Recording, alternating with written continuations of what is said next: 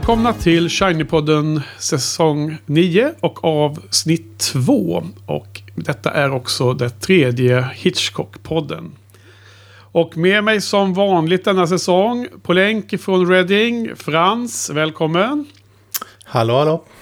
Hej, och på länk uppifrån, eh, eh, vad heter det nu då? Altersbruk eller? Jajamän. Ja, uppifrån djupaste Norrland. Välkommen Joel. Tack, tack. Hallå, hallå. Hallå, hallå. Hur gick tentan idag då? Eh, jo, det, jag tror att det kan ha gått bra. Jag, ho- jag hoppas det. Men jag, jag, vill, jag vill inte jinxa det för mycket med att sitta och säga att det gick bra. Men du är väl topp eh, top 1,2 procent i din klass va? Sånt där. Ja, jag, jag har lagt ner det där med att vara ambitiös. Ja, ja. ja. Eh, hoppas det gick bra. Och det är jag övertygad om att det gick Ja. också.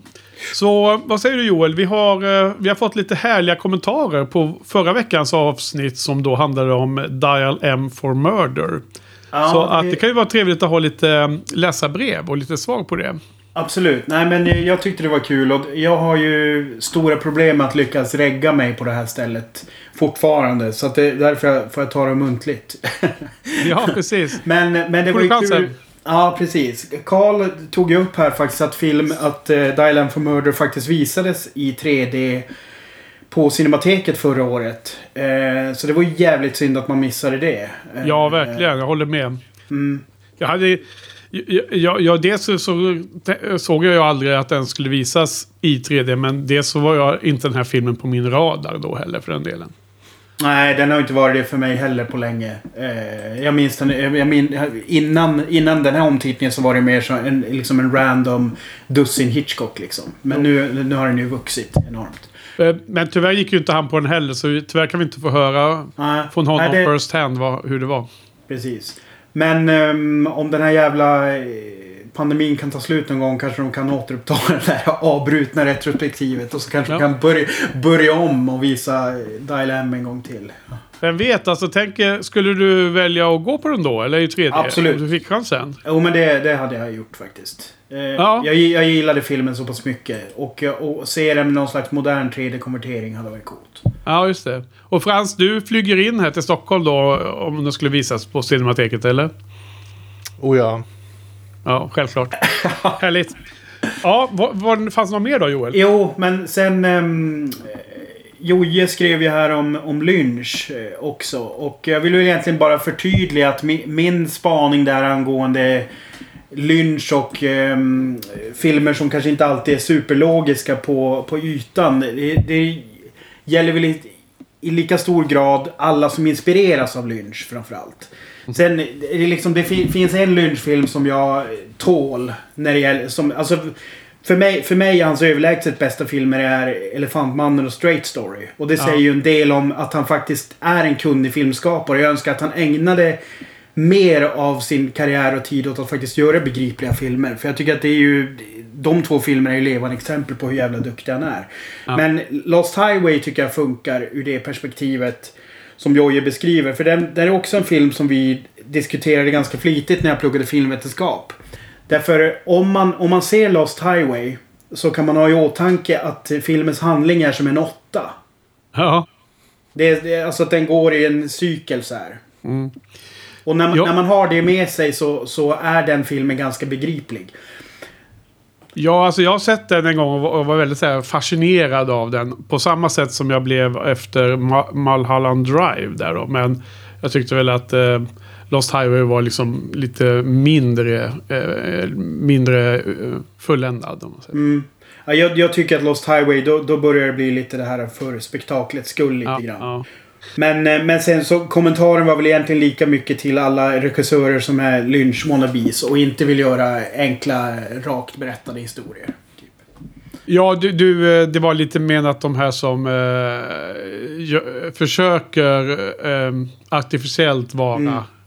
Eh, lika skumma som Lynch. Men egentligen Precis. gör, gör de bara att, att, att det blir konstigt istället för att bli bra också. Ja. Och, så. och då är det bättre med en eh, Fast and Furious alla dagar i veckan. Ja, jajamän. Ja, Ja. ja det är härligt. Okej, tack för alla... Eh, eh, läsarbrev. Jättekul att läsa och de ska besvaras eh, noggrant av mig och Frans. Eh, Joel har ju lyckats hitta på att han inte kan logga in på något sätt. Då, så det, det får bli muntliga svar här i podden. Ja, men du, eh, nu kommer vi till dagens film och då är det alltså Rear Window. Och det här är ju sannoliken en av de mest kända filmerna, eh, Frans. Om vi är inne på detta ämne nu ännu en gång då. Tjatigt. Men alltså, eh, nu kan vi verkligen säga att det här är en av filmerna som är så kända så att till och med jag har sett den innan. Och det är ju inte en majoritet av filmerna i, i Hitchcocks resan, som du vet. Um, Rear Window kom då september 54. Uh, ungefär bara 4-5 månader efter Dial M for, for Murder. Och det hade jag tänkt kolla upp men nu glömde jag det. Så att det var ju väldigt dålig content här att uh, säga att jag har bara glömt att kolla upp hur det kom sig att de kom så nära varandra. Uh, det är inget du har koll på Joel eller? Liksom produktions... Nej. Överlappar de varandra eller gick de sekventiellt? Och gjorde man Rear Window på bara fyra månader tror Det låter väldigt Nej, jag, jag, jag, jag, frågan är om inte... Um, om, om jag nu bara får liksom ta lekman och gissa så, så, så känns det som att... Eh, alltså Dial M for Murder är ju en mycket enklare film att spela in. Eh, om man, eller så här. Rear Window är ju kanske enklare att när, när väl bygget är på plats så är den ganska enkel att spela in. Men Dial M är ju en mycket mindre film. Så att frågan om det inte på något sätt att, att de är lite i tanden på något sätt. Att kanske de byggde upp um, stage, alltså Ja, hela precis. den där stagen medan han filmade Dial M. Liksom. Precis, för att filmen Rear Window är inspelad på en, en soundstage. Det är helt klart. Och allt är ju byggt då i naturlig storlek och så. Så det är väldigt coolt. Men här har vi då i alla fall en film med James Stewart i huvudrollen då. Eller Jimmy Stewart som vi som kände honom privat eh, kallar honom. Då. och så har vi ju Grace Kelly och så har vi en, en radda med andra väldigt trivsamma eh, skådespelare som vi får återkomma till.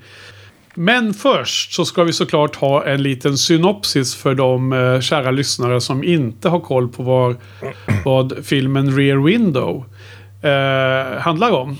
Eh, så Frans, om du vill läsa synopsis på Letterboxd. Självklart. Professional photographer L.B. Jeff Jeffries breaks his leg while getting an action shot at an auto race. Confined to his New York apartment, he spends his time looking out of the rear window, observing the neighbors.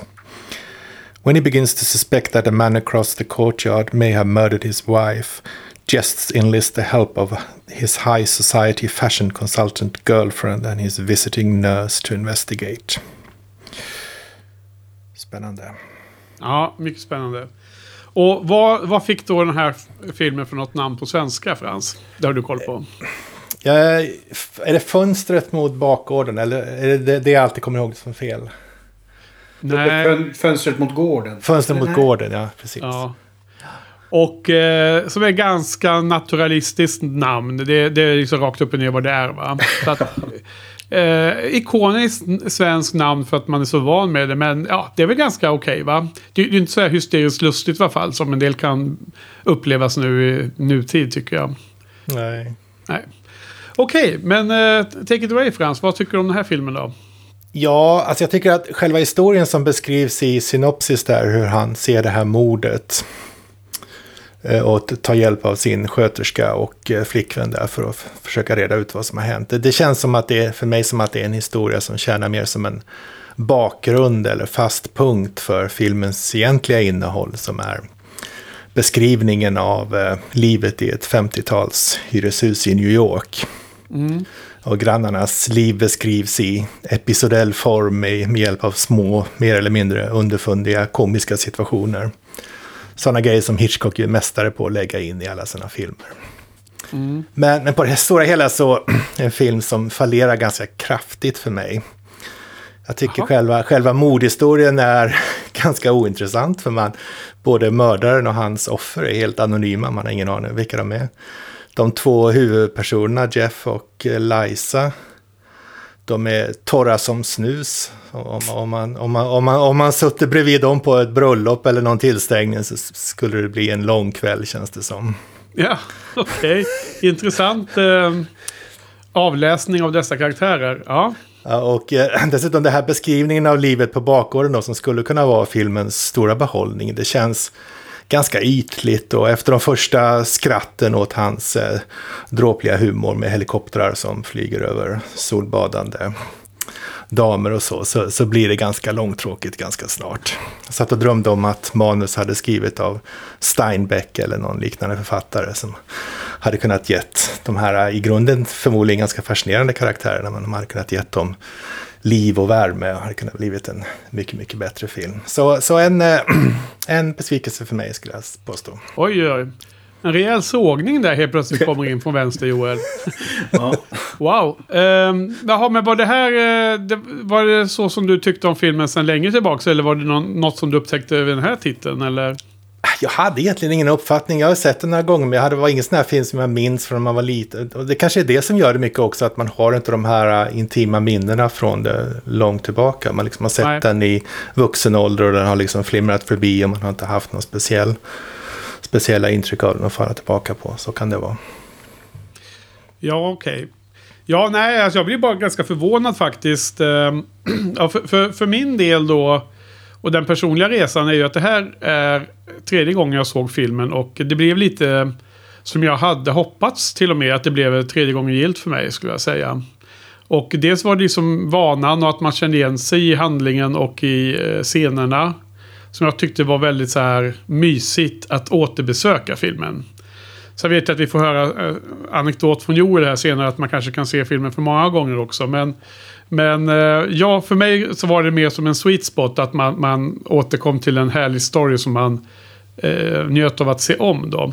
Och eh, nej, jag håller ju med om att det är, som är ju inte mordet och de karaktärerna som är centralt. Jag menar, de är ju anonyma som du säger. Utan det är snarare mysteriet och hotet under upplösningen då med, med form av att det är en potentiellt sett eller mest troligt våldsam person som det också var då. Nej, utan jag, jag tycker att det är liksom... Eh, det är som två, två eh, sådana här sätt av eh, eh, grupp... Eh, skådespeleri liksom. Två casts. Det är dels är det de som är i lägenheten med Jimmy Stewart och Grace Kelly och hans eh, gamla krigskollega som är polis nu och sen inte minst då hon eh, sjukgymnasten eller vad hon nu var då som kom och hjälpte honom. Och sen är det det andra sättet av skådespelare som är de här som spelar små eh, scener i de här tv-burkarna som det ser ut som ibland. Han tittar in i olika lägenheter så är det nästan som han tittar in i tv maskiner. Som jag då tycker är otroligt eh, lustigt under större delen av filmen. Alltså det, det är inte så att det bara går över efter första nyhetens behag för mig. Utan jag, jag följer med stort intresse de här Miss Torso och Miss Lonely Hearts och den, den olyckliga pianisten och den, den, den, den stackars utarmade nygifta eh, unga herren som bara ville ta sig en cigg någon gång men knappt fick vila. Och så vidare. Och, och hon den här eh, typiskt östeuropeiska eller vad hon kan vara. Den här eh, som, som gör en skulptur där som verkar vara lite så här konstnärlig av sig längst ner till vänster. Och, det, det enda som är lite så här på gränsen till eh, slapstick är väl de här, det här paret som ska eh, sova utomhus och ha den här hunden som ska gå upp och ner. eh, men, men alla de andra tycker att liksom jag knyter an till trots att man aldrig egentligen möter dem på ett sätt som man normalt sett möter karaktärer i en film. Utan det är bara det här voyeuristiska att titta in på dem. Så det är kul, men tillbaks till huvudkaraktärerna och jag tyckte att eh, Grace Kelly då, om man jämför med förra filmen där hon var med. Så tycker jag att hon växer ju något otroligt i mina ögon i den här filmen. Och är ju eh, eh, antagligen liksom eh, hjärtat i hela filmen för min del. Och jag blir ju riktigt förtjust i henne. Och hon är ju så superkall och... Eh, prof, alltså, hon är liksom i sin... I sin eh, state of mind i, i de första scenerna. Och så är ju då eh, James Stewart så jäkla svinig mot henne tycker jag så himla elakt när han ska liksom typ eh, trycka ner henne verkligen för att visa att hon inte duger i hans liv. Och sen, och sen tycker jag att liksom resten av filmen så är det bara att hon, hon visar att hon jäklar anamma, nu ska jag liksom nu ska jag vara med här och jag tycker att det är en frejdighet som jag, jag gillar skarpt att ta emot här i filmen. Så hon växer i mina ögon och eh, Ja, eh, och så. Men eh, eh, så det var en positiv överraskning. Eh, och- just det, det är det jag skulle säga här. Ehm, du får klippa det Frans. Jo men James Stewart också. Han är ju som alltid väldigt bra och det är ju en favoritskådis. Och ehm, Jag vet inte om det här är... Det här tror jag inte är den bästa rollen jag har sett honom i på något sätt. Men jag menar, det finns något bekvämt och väl, väl eh, igenkännbart med att se James Stewart-film eller en Cary Grant-film, Frans. Och du är ju för övrigt den, den som har introducerat mig till båda dessa manliga skådespelarikoner. Eh, ska du veta det Joel? Hemma i Frans lägenhet, eh, eller hus rättare sagt, som du bor i. Så, så finns det oändligt många DVD-er med antingen Cary Grant eller James Stewart. Det, är- det är det man hittar liksom i hyllorna. Eller hur Frans? Det var ju ingen ljug, eller? Nej, nej, jag kom över en eh, ansenlig samling Cary Grant DVD billigt för tiotal år sedan. Ja, ja, ja. Så jag har Ja. stor mängd. Nej, men så eh, faktiskt en positiv överraskning då. Trots att jag har varit lite vagt besviken två gånger i rad och tyckt att den är så högt rankad och ö, omtyckt att jag har varit olycklig över att inte jag gillar den lika mycket. Men nu har den, nu har den faktiskt... eh, Eh, liksom vux, jag har vuxit in i det här. Den har... It has grown on me, som de säger. Men frågan är nu då om man kan se den här filmen för många gånger. Och eh, med det så tänker jag givetvis på vår, vår lilla teaser i trailern här. Och att jag vet Joel att du har en, en spännande anekdot här. Så vad tycker du om filmen i dagsläget? Och berätta gärna lite mer om eh, den här bakgrunden och din anekdot. Ja, alltså den, den, det här är ju den... Um den filmen som gjort starkast intryck på mig. Och det är inte kanske för att det är min favorit Hitchcock-film utan det är för att jag totalt har sett sönder den. Okej. Eh, när jag pluggade filmvetenskap i Örebro eh, på B-kursen så hade vi en uppgift som helt enkelt bestod i att vi skulle analysera mm, första kvarten i filmen med valfri film, eh, filmanalysmetod. Okej. Och jag minns, jag har, jag har försökt hitta, jag har, jag har, eftersom jag är hemma hos mina föräldrar nu så har jag en massa gamla pärmar så jag har försökt hitta den där jävla... Eh, ja, vad jag skrev om i slutändan. Jag, jag, jag använde någon ganska sån här... Um, kall eh, analysmetod som är ganska så här, statistisk. Där man liksom eh, tar hänsyn till filmvinklar och hur långa klippen är och hur mycket kameran rör sig och sådär. Ja. Så det, var, det var ju inte... Det var ju liksom... Jag tror det är, det är någon så här statistisk eh, variant liksom. Ja. Och eh, jag, jag underdriver inte om jag säger att jag såg nog eh, första kvarten såg jag 30, 30-tal gånger på två dagar. Och så sen i samband med att vi hade den uppgiften så fick vi se filmen två gånger i biograf i Örebro. Och så sen tror jag att vi, jag och några kompisar såg den en gång själva också. Eh, så att jag, jag har ju... Jag har ju varit spyless på den sen dess. Och jag har, jag har haft lite ångest inför det här också. Därför muskel, muskelminnet säger att jag vill inte se, se den igen.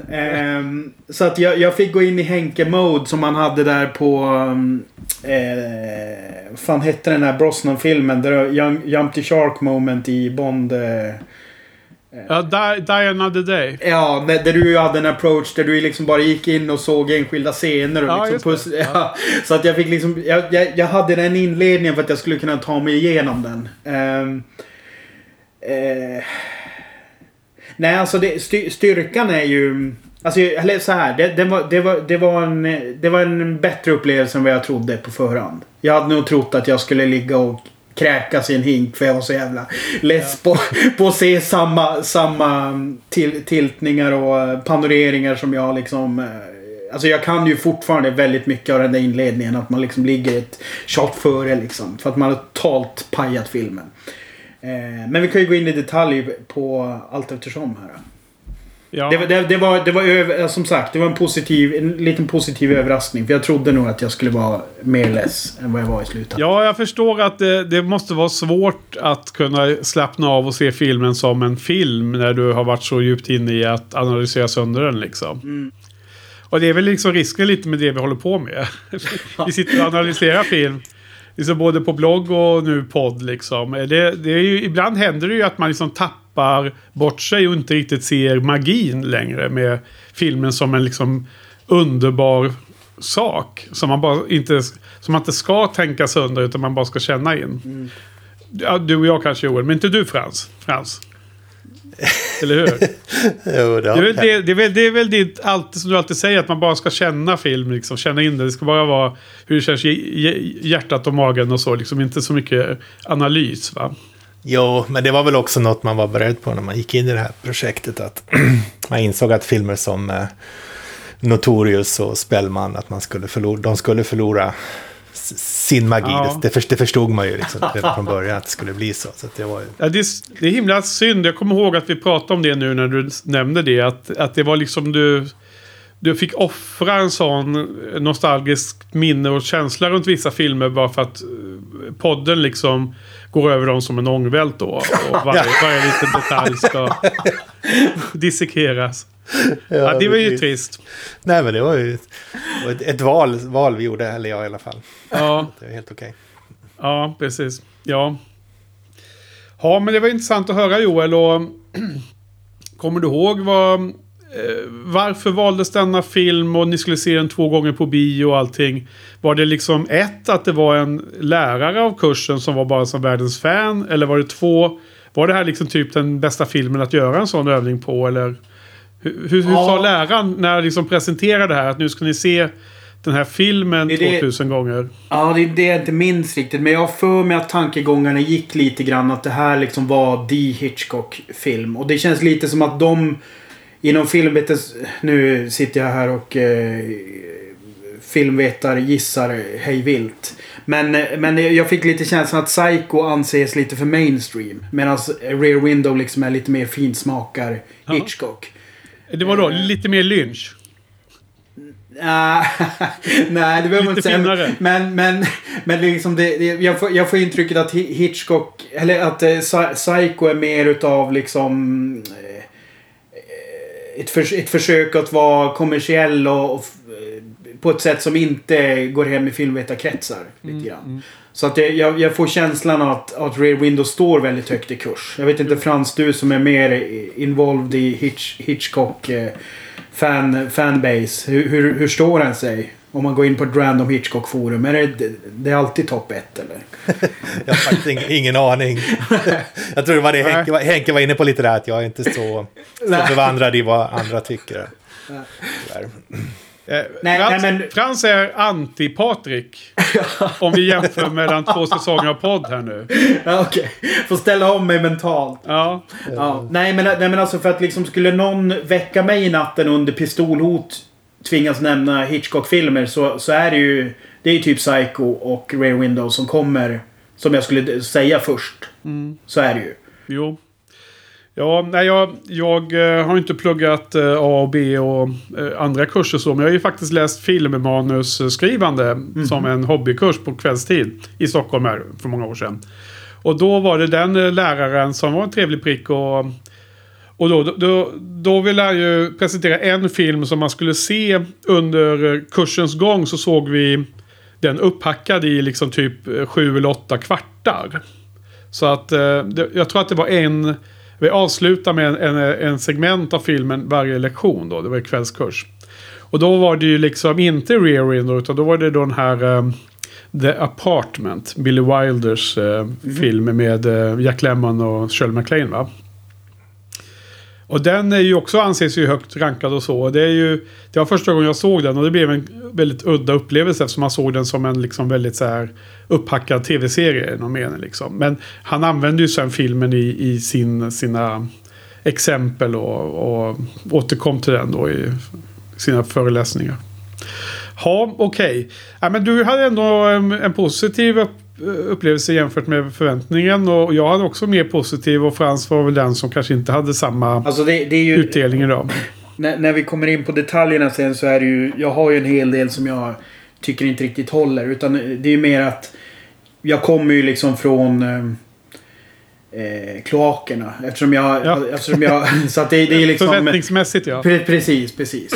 Jo men eh, kom in på det nu då. Jag menar Frans, du var inne på flera områden du tyckte att filmen i slutändan var ganska svag. Och var det liksom liknande ämnen och områden som du tänker på att det inte håller, Joel? Eller? Nej, så det, det är väl... Jag, jag gillade Frans spaning om eh, det här med eh, mordet lite grann som en, eh, en ursäkt för att berätta de andra historierna. Det tycker jag är lite grann som, som Buffy är uppbyggd. Att Buffy är ju på, på ytan så handlar det ju om en, att hon ska släja eh, vampyrer. Men egentligen så handlar det om helt andra grejer. Det är ju bara maskerat som en sån serie. Och jag, kan- jag kan hålla med om att den här... eh, det är ju nästan, det är ju på, på, på ett sätt så är det ju liksom en, en jävligt tidig variant utav shortcuts eller någonting. När man får följa de här, för de har ju sina egna arcs. De här Ja, i, i dockskåpet.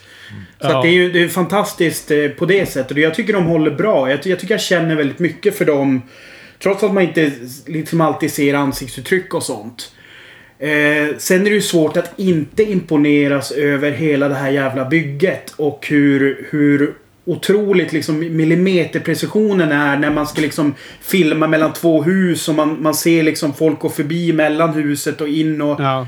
Och så bara såna här timinggrejer du vet när, när um, Grace Kelly ska gå och lämna brevet och hon nästan blir upptäckt av honom. Och då är det, då är det Ja. så här, då, då är det ju en logistik bakom det där som i film... eh, Alltså som jag ändå... Jag blir lite imponerad av det. För att jag vet hur, hur pass... Hur svårt det är att få Ja, till eller? Exakt. Och det, det Blir, är också... blir det, är också- Joel moments till och med? Nej, nej.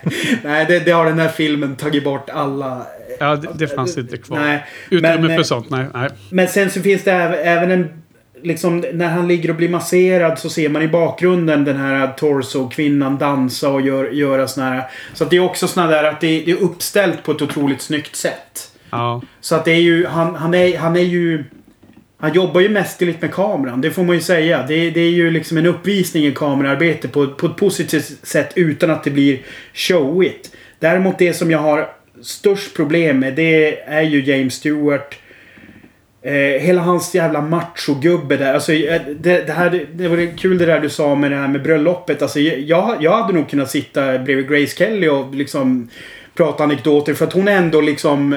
Hon, hon är ju en otrolig stjärna här. Vilket jävla lyft. Alltså hon var bra i Dial for M också. Men här är hon ju... Alltså jag fattar ju att Hitchcock blev helt jävla betuttad i henne. För det är ju henne han har jagat efter den här filmen typ. I alla sina blonda leading ladies. Det är ju typ det. För hon är, hon är fantastisk. Det här är ju verkligen... eh, Ja, det är ju hennes show. Ja. Med, Medan jag tycker att James Stewart är ju bara så... Liksom så här machogubbig på, på ett fel sätt. Alltså han känns bara så jävla off. Och jag tycker inte att hans karaktärsutveckling är bra heller. Jag tycker inte att man får vändningen av att, av att man börjar tycka om honom. Utan jag sitter bara och Ja. stör mig på honom. Alltså jag var inne på exakt samma sak Joel. Och vi har, vi har uppenbarligen sett liknande grejer här med både Grace Kelly och James Stewart. Men, men, men för mig så blev han ändå redeemed mot slutet. Så jag, jag hade en liten sån mer ark än vad du nu beskrev. Så för mig var det faktiskt lite... Eh, eh, jag har ju tidigare stört mig på sådana här manliga huvud, huvudpersoner i Hitchcocks filmer som varit några jävla assholes.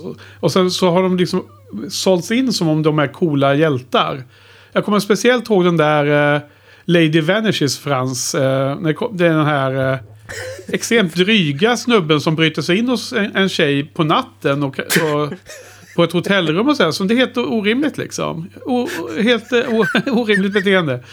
Kommer du ihåg det Frans? Alltså vad... alltså, forskare i folkdans va? Ja, ja, ja. Det var många fel i han. Och, och nu helt plötsligt, jag menar liksom t- 20 år senare så har han fortfarande en, en sån här leading, leading man som bara är ett jävla asshole i början. Men lyckligtvis så, kanske för att jag själv liksom bedrar mig själv med att låta mig bli förblindad av James Stewarts uh, stjärna Joel kanske. Så tyckte jag ändå att han var en skön dude i slutet liksom. Lite mer åt det hållet i alla fall.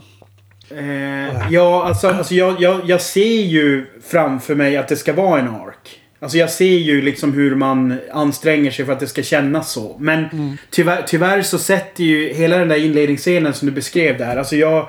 En, en av de logiska luckorna har att jag fattar inte varför hon kommer tillbaks efter det. Nej. här. Ja. För att nästa gång, nästa gång hon är i lägenheten, då ligger de och hånglar. Och det känns bara helt... Jo, men det, Helt, eh, det är ju en era när liksom kärleken är helt omotiverad ofta i de här filmerna. Det är liksom som en slags eh, rosa eh, dröm av något slags kärleksförhållande som inte behöver etableras eller underhållas eller make sense. Utan det är ju bara liksom eh, hjärtarna liksom trånar efter varandra. Det är ju den, det är ju den världen han spelar i känns det som ganska ofta. Fast det är ju ensidigt. Det, det, alltså, eller jag vet inte. Det, det känns bara den här, den här bruting James Stewart eh, karaktären här är ju bara för mycket. Alltså jag blir bara trött på hans jävla skrävlande och eviga jävla ironi. Det känns ju som att allting bara är liksom... Alltså återigen, det är, det är ganska bra skrivet för det känns, känns eh, liksom modernt på ett eh, liksom... Eh, på ett sätt. Men, men jag, alltså karaktären har ju sån jävla underläge hos mig. Efter det där han kommer jag aldrig riktigt tillbaks. Nej. Faktiskt. Nej, nu får du snart sluta och träcka in för annars kommer du få med mig på den banan också. Ja, vi kan släppa honom. Om jag börjar också gilla det. Men Frans, har, har du någonting att kommentera runt det här som, kom, som Joel tog upp nu då? För det, du var ju inne på, det var ju du som öppnade lite den dörren och inne på något åt det hållet. Du var inte så förtjust i de här två skådisarna i huvudrollen. Jag var inte så förtjust i karaktärerna. Jag tycker att de är väldigt tråkiga. Jag håller med er om att Grace Ja. Kelly är helt superb som skådespelerska. Jag tycker Ja. att hen- hennes karaktär är, är ganska slätstruken. Ja, okej. Ja, jag, först, ja, jag missförstod då.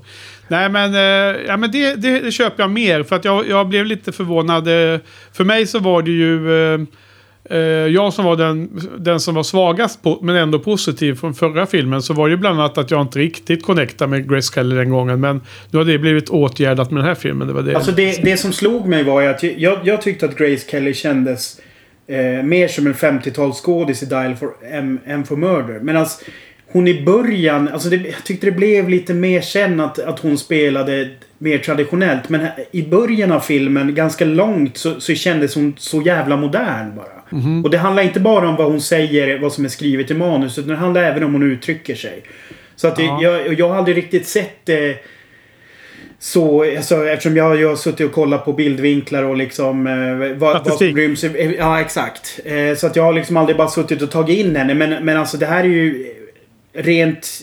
Om jag, om jag nu bara ska liksom dra ur en, en snabb eh, poll i min egen hjärna så är ju det här ett av de största liksom starbuilding filmerna på, på en... På, för att nu, nu, nu fattar jag varför hon är så jävla upphyllad och varför alla ville att hon skulle komma tillbaka från Monaco i 20 års tid och hon aldrig gjorde det. För att hon är ju en sån jävla ikon på många sätt. Eh, Och det kan jag faktiskt förstå när man ser den här filmen. Så det blir intressant att se den här eh, avslutande delen i Hitchcocks Grace Kelly-trilogi. Hon är ju med i en tredje film där. Okej, vad, vad kul. Ehm, det måste nog vara någon som jag inte har sett så jag har lite dålig koll på det. Men det, Det är, intressant. låter ju roligt. Det är lite, eh, det är lite som, eh, du kommer ihåg Audrey Hepburn och hennes eh, Rom, vad heter det? Roman Holiday. Prinsessa på vift-filmen. Liksom, där hon blev stjär- stjärna över en natt. Lite samma Ja, okej. beskrivning som du gjorde där. Att, Ja. ja, man som etablerade sig och aldrig mer blev en normal människa utan var superstar sedan dess. Liksom. Ehm, ja, du får bryta in Frans om du vill eh, fördjupa eller utveckla någonting som vi säger här. Ehm, men du var också lite svag över de här ehm, dockhusen som du kallade det. Det var ännu bättre än TV tv-apparater Joel. Ehm, och jag håller ju helt med om din spaning där. Att eh, eh, även om jag följer de här Grace Kellys karaktär och även då James Stewarts med intresse så, så tycker jag ändå att de, alla de här dockhuspersonerna nästan växer under filmens gång. Och jag blev så här superglad när Miss Lonely Hearts eh, liksom, eh, kom ihop det med den olyckliga pianisten. Och liksom man, man, eh, man, man fick en resolution på Miss Torsos eh, liksom liv och hon hade någon liksom kort och lätt korpulent eh, sailor där som kom hem. Och, ja, men det var så här sköna små vignetter liksom, olika små korta historier. Då. Men- Ja. Fast jag, jag, jag kunde inte låta bli att tänka att det där också var en passning från Hitchcock. Att hon var ihop med honom och hade liksom, liksom dissat de här alfamailsen som var uppvaktade henne innan. Och så Ja. att liksom, när, när då hennes älskare kommer hem då är det liksom en Hitchcock-liknande figur. Visserligen kortare och lite smalare men det, är- det är ju en nörd som kommer Men du hem. menar det var att det fanns en lite Woody Allen-vibe över Hitchcock? Ja, är det inte det? Ja. ja, men det kanske är det. Och jag vet att ni... eh, Eller hur ska vi förhålla oss till de här eh, dokumentärfilmerna och det till filmer? För att den här har vi ju på Blu-ray och där, där finns ju massor extra material. Och nu började jag se en dokumentär som var en timme lång. Och var superintressant. Men jag, jag stängde av efter 20 minuter för jag kände att jag vill inte bli bara färgad av det. Men bara på den första biten av den dokumentären så var det massor med kul grejer liksom. Eh, de intervjuar ju hon som spelar Miss Torso och eh, bara hon berättar om att hon har ju blivit eh, eh, hyrd av eh, Second Director. Som var någon snubbe som fortfarande levde och uttalade sig. eh, och, och det enda Hitchcock hade sagt om de, alla de som inte var the main cast. Det, eh, det var att den här second director skulle hitta några. Och sen så kommunicerade väl Hitchcock via den där directorn. Och vad han sa om Miss Torso var att hon, hon skulle vara dansös men hon fick absolut inte få koreografi. För att hon skulle inte vara en skolad dansös. Så hon har hittat på alla de där movesen helt själv i stunden. Och hon beskrev liksom en, eh, hur, hur jobbigt det var första tagningen när hon skulle vara med. För hon visste inte hur hon skulle dansa. Och, och, och Hitchcock sa bara gör något liksom. Och så blev det det. Hon, för hon dansar ju liksom, hon dansar ju inte så här klassisk ballett direkt. Hon dansar ju inte klassisk jazz, modern jazzdans heller. Utan det är ju någon slags, hon dansar omkring lite som typ man gör om man är eh, lagd åt att dansa gissar jag i sin lägenhet liksom. Um, så att, ja, de är ganska bra en del av de här dokumentärerna. Men det är ju lätt att man liksom eh, hamnar i, i några hjulspår och bara tänker på vad de säger där då. Alltså, alltså mycket av, av mina sådana här, eh, om man nu ska snacka om liksom så här eh, gubbsjuka spår på Hitchcock. Att han är totalt eh, kär i Grace Kelly och liksom försöker hitta henne gång på gång på gång. Det kommer ju dels från bara att jag liksom har hört det sägas väldigt mycket. Jag har inte sett så många dokumentärer men sen har jag för mig att Även i några av spelfilmerna om honom så har jag för mig att det temat finns. Nu var det länge sedan jag såg dem. Men jag har för mig att det har spett på hela idén om det. Ja, jag menar, det är ju... Det, det är ju det, sen det är ju ingen slump att, att alla ser likadana ut. Alltså det är ju uppenbarligen var det ju någonting han, han eh, fascinerades av. Ja. Han hade väl sin eh, type som han gillade. Ja. Men det är ju det är därför vi har ju haft en, en off-podd diskussion där jag ställde mig frågan varför inte Marilyn Monroe är med i någon film. Ja, det tycker varför? jag är en relevant fråga att ställa. Varför var hon inte det då? Alltså min, min tanke är nog att hon kanske inte ansågs tillräckligt duktig skådespelerska för det. Ja. Men, men jag, jag tror nog att hon hade absolut kunnat fixa, fixa en Hitchcock-roll utan att behöva spela bimbo. Det tror jag nog hade hon, hon är ju... Hon är säkert bättre än de flesta av dem han har haft. Mm. Men jag tror också att när hon slog igenom, det var ju bara några få år innan hon dog. Överdosen. Så att jag, jag tror efter uh, Some Like It Hot och de runt om filmerna så hade hon säkert kunnat varit på tal. Men då, då var, levde hon inte så många år till ju. Nej. Det var bara typ två år till eller mm. ens det. Ja, det, det, det är exakt. Hon var väl också en sån där som, nu kan jag inte hennes historik, men hon brann väl otroligt snabbt. Från ingenting till ja, men hon tog ju eh, Hon tog väldigt mycket droger. Uppåt kick på morgonen och neråt tjack på kvällen. Eller vad det nu heter på streetlingo. och eh, sen tog hon ju en överdos av någon form av eh, ni, alltså, sömnmedelaktigt. Som jag förstod det. Jag såg någon dokumentär ganska nyligen om henne. Eh, hon är helt fascinerande. Jag måste se hennes filmer. Hur var det Frans? Har jag missuppfattat det? Jag trodde att du var en stor Marilyn-fan. Men det, kanske är total miss av mig. Jag är inte någon... Eller jag är inte så stor fan av hennes filmer. Förutom den här... Um, med Cary Grant, vad det nu heter. Eh, Monkey Business. Monkey Business, ja just det. Den är fantastisk. Ja, men hennes, hennes som person, hon är ju jättefascinerande. Men jag, jag, gillar, jag gillar bara inte de här filmerna där hon... Eh, diamanter är en kvinnas bästa vän. Och de där filmerna hon spelar så extremt... Eh, korkad person som bara vill gifta sig med en 60-årig man liksom. Ja, du gillar inte det. Och hon gillar ju inte heller det. Så hon skapar ju till och med ett filmbolag. Ett independent filmbolag för att få göra riktiga filmer. För att hon hade blivit inne i det hörnet. Så att ja, mycket fascinerande person. Och de, de flesta filmer är ju väldigt underhållande. Och, men sen finns ju såklart en range där inom också. Jag håller med, håller med att vissa av de där eh, är kanske inte... Alltså det är några av dem som är svagare och några av dem som är mycket starkare tycker jag. Av de jag har sett. Ja, eh, men vad har vi mer där nere i dockhuset? Eh, som så, vi såg, ni, eh, såg ni Alfred? Ja, ja jag såg. Amen. Och du också Frans, berätta. Ja. Berätta vad, när man såg honom. Han, han stod ju och eh, han sa någonting till den här personen som eh, komponerade musik på sitt piano.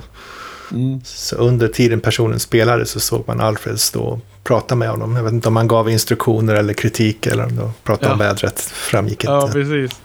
Ja, men det var väl nästan första gången man eh, besökte den delen av dockhuset då där den olyckliga pianisten eh, fanns. Och då stod eh, Alfred bakom ryggen på honom där och tittade på någon... Eh, eh, Stod och drog upp, en, eller något sånt där.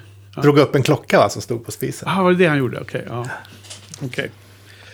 Ja, nej men... eh, eh, just det. det, det, det såg man. eh, helt klart. Han hade gått ner i vikt va? Var det inte så? Okej, ja, det är möjligt. Ja. Oklart. Ja. ja. Och, och vad sa du Joel? Fortsätt. Ja, men kan, kan vi gå in lite på det här med spännings, eh, spänningsgrejen? För att, det, för att på, nå- på något sätt så lyckas de ändå få mig engagerad på slutet. Mycket. När, eh, när eh, Grace Kelly hoppar in i lägenheten där. Gör värsta inklättringen. Ja. Och, men eh, alltså det är det, hon är ju så fantastisk. Så att hon kommer ju undan med alla såna här grejer. För det är ju så lustigt, de står och gräver i blomrabatten i 10 minuter. Och de har räknat ut att jo, men han kommer vara borta en kvart ungefär. Ja. Så att efter 10 minuter de har grävt och inte hittat någonting. Då ska hon in i lägenheten. Ja. inte så att de kan tänka sig att dela upp sig. Så att en står och gräver och hon går in direkt eller någonting. Men, Nej. men alltså det är, det är också... Han är, det han är ju duktig på det där med att få det att bli spännande. Fast den, för jag menar nu, jag har ju sett sönder den här filmen totalt. Eh, även om jag inte har sett den delen 30 gånger på två dagar så har jag ändå sett filmen lätt 5-6 gånger i hela mitt liv och, och kan, kan den ganska väl innan. Men jag blir fan engagerad. Eh, Ja, verkligen. Det blir också, jag kommer inte riktigt ihåg slutet så det var väldigt extra värde att eh, försöka hänga med vad som hände. Och, det var så lustigt för att ibland eh, när man sett en film för länge sen tillbaka så kommer man ihåg vissa delar av filmen väldigt tydligt. Och, och, det, och det känns som att de eh, delarna är väldigt eh, centrala i filmen. Och just när Grace Kelly är inne i mördarens lägenhet är ju något som jag trodde att ja, men det är som typ hela andra halvan av filmen. är ju detta. Men liksom jag såg så här, men vänta nu, nu är det sju minuter kvar av filmen hon har fortfarande inte gått in i lägenheten. Hur ska det här liksom fås ihop? Men, så det, är en väldigt kort liten scen i slutet. Men väldigt så här, som man kommer ihåg, det sätter sig Ja, det blir, det, blir otro, det blir otroligt dramatiskt när han kommer in i lägenheten och man vet att hon är där. Mm. Och så sen så, så börjar man se att han ser henne. Sen ser man henne och det är bara... Eh, Ja. det, det är väldigt bra filmat. Eh, och så just det här att man inte hör och så börjar han attackera henne och liksom... eh, Det, Ja, och, och på något sätt så utmanas man som åskådare om man verkligen tror på James Stewart eller inte. Och i det här läget så är det klart att man gör det. Man är ju helt övertygad om, om att det är en mördare som hon ställs inför. ja. Men, men det, det sjuka är också att hans reaktion när det händer är ju ganska feg. Alltså det var väl det intressantaste med den karaktären. För att han slänger sig typ ner med armarna över huvudet eller något sånt där när det, när det händer i något av de där lägena. Han har ju redan ringt efter polisen så att de är på väg dit. Men han blir ju väldigt handfallen. Men det kanske har också med att han sitter i rullstol och absolut inte kan, kan göra någonting. Nej. Äh, hur, hur, hur tolkar du det Frans? Jag vet inte om jag helt håller med om Joels läsning på Jim- eh, James Stewarts karaktär där, att han är feg. Hur, hur såg du den i slutet när han blir förtvivlad? Och, alltså för, för som jag läser Joel är lite mer att det här är, jag tycker det är en ganska trevlig switch tillbaks på att han har i princip trackat sönder. Han har, han har liksom varit en sån bully mot sin flickvän. Ja, så att hon till slut måste göra såna här grejer för att duga åt honom. För han känner ju sig ansvarig där. Det är därför Ja. han Ja, håller sig på det- huvudet liksom. Ja, nej men det kan jag... Det, absolut. Det, det köper jag. Det håller jag med om. När du säger det så är det ju mer... eh, Och det, det är liksom att det, jag tycker att det är lite skönt att han får inse att, eh, ja, liksom att han får en, en eh, eh, det blir en konsekvens av inledningen av filmen, i- känns det som i mina ögon lite. Men, men det var ju också i det här läget när jag såg den här filmen nu som då Brian De Palma-klassikern Body Double gick från eh, den starkaste fyra som kan... eh, Det är för mig är det en femma. Men eh, bara, bara för att förklara att filmen uppade ett snäpp när jag såg Rear Window nu. Därför att Ja. Eh, Body Double har ju alltid varit en film som eh, är ex- extremt inspirerad utav Rear Window. Men, eh, men han tar... Men du, du, måste, du måste orientera folk som kommer ihåg vilken film det är. ja, det är ju, Lite det, kort bara. Eh, Ja, det är, det är en 80-talsfilm um, utav Brian De Palma. Det är ju liksom, det, den är ju ganska smal. Det är ju inte världens mest eh, välkända film. Det är Melanie Griffith som är väldigt okänd huvudrollsinnehavare som inte ens... Craig Vesson tror jag han heter. Eh, som spelar en kämpande skådis som eh, lockas att eh, se över ett, ett väldigt coolt hus. Som är liksom som en... Eh, fan ska man kalla det egentligen? Ja, en sån här som hänger ut över något, eh, någon, någon klippa där i Ja. Beverly Hills va? Precis, och då börjar han ju spana på, på en kvinna som bor i ett annat eh, ja, Typ samma upplägg som det här. Och då blir det ju typ den här scenen... Eh, eller nej, det är inte riktigt samma upplägg. Men, men i alla fall så är det ju lite grann samma upplägg. Och, och, och tog spoiler för Body Double från eh, 83 nu då. Men eh, den, tar den tar ju ett steg till och det blir ju ett brutalt jävla mord på den kvinnliga huvudkaraktären. Ja. Där. Så att det är liksom, han spicar ju upp det här och låter ju, det är, alltså hade Grace Kelly liksom eh, rykt i, i den här, det hade ju blivit, fan folk hade ju blivit galna. De hade ju liksom tagit Ja. motorsågar och gått och sågat i biograferna efteråt. Ja. Men eh, Brian De Palma han kör ju hela vägen ut. Jo, men det, det är liksom, eh, vad, vad, vad blir det, nästan 30 år senare va? Och, Ja. och dessutom så, Parmas grej var väl att det alltid skulle vara blodigt och naket och lite mer seedy liksom. Lite mer eh, snuskigt och Mm. Absolut, mer... men, men jag kände ändå nu att det, det finns liksom så okej nu förstod jag liksom ehm, hans fascination över Rear Window. Tidigare har jag mest tänkt att ja, han vill vara en copycat. Men nu gjorde han ju liksom en egen, alltså nu, den här scenen känns ändå som en vidareutveckling eh, på ett tydligare plan. Det är nog bara jag som Ja. gillar den spaningen. Ja, ja, ja, ja. Har, har, har du sett den här Body Double med Melanie Griffiths, eh, Frans? Är det något du känner igen? Eh, Jag tror inte det. Jag tror inte. Nej. Nej men jag, tror inte att den var jättevanlig att eh, folk kände till och hyllade den då när jag växte upp. eh, såg film på 80-talet just. När, när den var liksom i sin era. Men jag har sett den ganska nyligen och... Ja men den var väl helt okej. men liksom... Det var ju, jag blev inte alls så fascinerad av den. Som, som du verkar vara Joel. Men Nej, där nej. finns en, en tydlig koppling i alla fall. Så är det ju. Ja, ja. Ja. Men på tal om kopplingar Frans, så har ju du kastat in en extra uppgift på oss idag, eller hur? Kan du berätta lite om eh, vår, vår, eh, vår, vår sidopott här i denna uppgörelse med denna film? Ja, hemmauppgiften var ju då att se, eller bonusuppgiften var att se Castle Episod 5, säsong 19. Nej, säsong 5, episod 19 var det va? The Lives of Others. Som är ändå en pastisch på den här filmen. Ja. En underbar, eh, bra mycket bättre än, än Rear Window tycker jag. Det, det är precis sam, samma historia men k- kärleksfull. Men med en liten twist om man säger så va? Eh, ja, precis. Det är en twist på slutet. Ja. Ja. Precis. Nej men det är ju eh, Castle är ju tv-serien. Den har ju slutat gå. Eh, det är en sån här serie som man hade... Man bara råkade se. För mig var det nog mycket för att Nathan Fillion spelade eh, Richard Castle. Och det var ju som ingången att man ville se den då. Men sen puttrade det bara på och blev liksom så här en, mer och mer självklart att man måste se allt. Eh, och... Eh, men egentligen, eh, vad tycker du om serien i helhet Frans? Är den liksom superbäst? En av de top of the line? Eller är den bara som helt okej? eller hur skulle du säga? Den är helt okej, men den är supermysig. Just det, det är en bra... Och Ja, den, nedbrytning. den, den, den svackar inte, den, den håller hela vägen. Många av de här serierna, liknande serierna, de liksom tar slut efter några säsonger. Sen blir de ointressanta, men den här håller helt rakt igenom tycker jag. Precis, eh, många serier tappar liksom gnistan för att de har redan lekt av sig det mesta av rommen. Men jag håller med. Alltså den är inte superbäst egentligen, men den är otroligt mysig. Och nu såg jag om det här avsnittet på din, eh, på din eh, hemuppgift där. Och det var så otroligt bra avsnitt. Jäkla skönt alltså. Det är ju, det är ju klart bättre än den här filmen. Ja, det var så fantastiskt att se det här avsnittet igår. Och jag ja, var så jävla bra alltså. Och han är så himla charmig, Nathan Fillion. Så jag, liksom, man glömmer ju av det varje gång när man, när man ser något annat. Och så var det länge sedan liksom. Så att, ja. Finns det några fler eh, Ca- Castle-avsnitt som eh, har kopplingar till Hitchcock-filmer som vi ska se? Vi såg, en, vi såg en förra säsongen va? Vad det var för någonting. Jag kommer inte ihåg på rakt arm. Jo, men det var den när de bytte mord va? Just det, just det. Ja, just det. Men eh, ja, Alltså jag, jag minns det som att det fanns många Hitchcock-referenser i just det här avsnittet. Men nu såg jag bara en utöver Rear Window. Så, så fångade du upp någonting eller?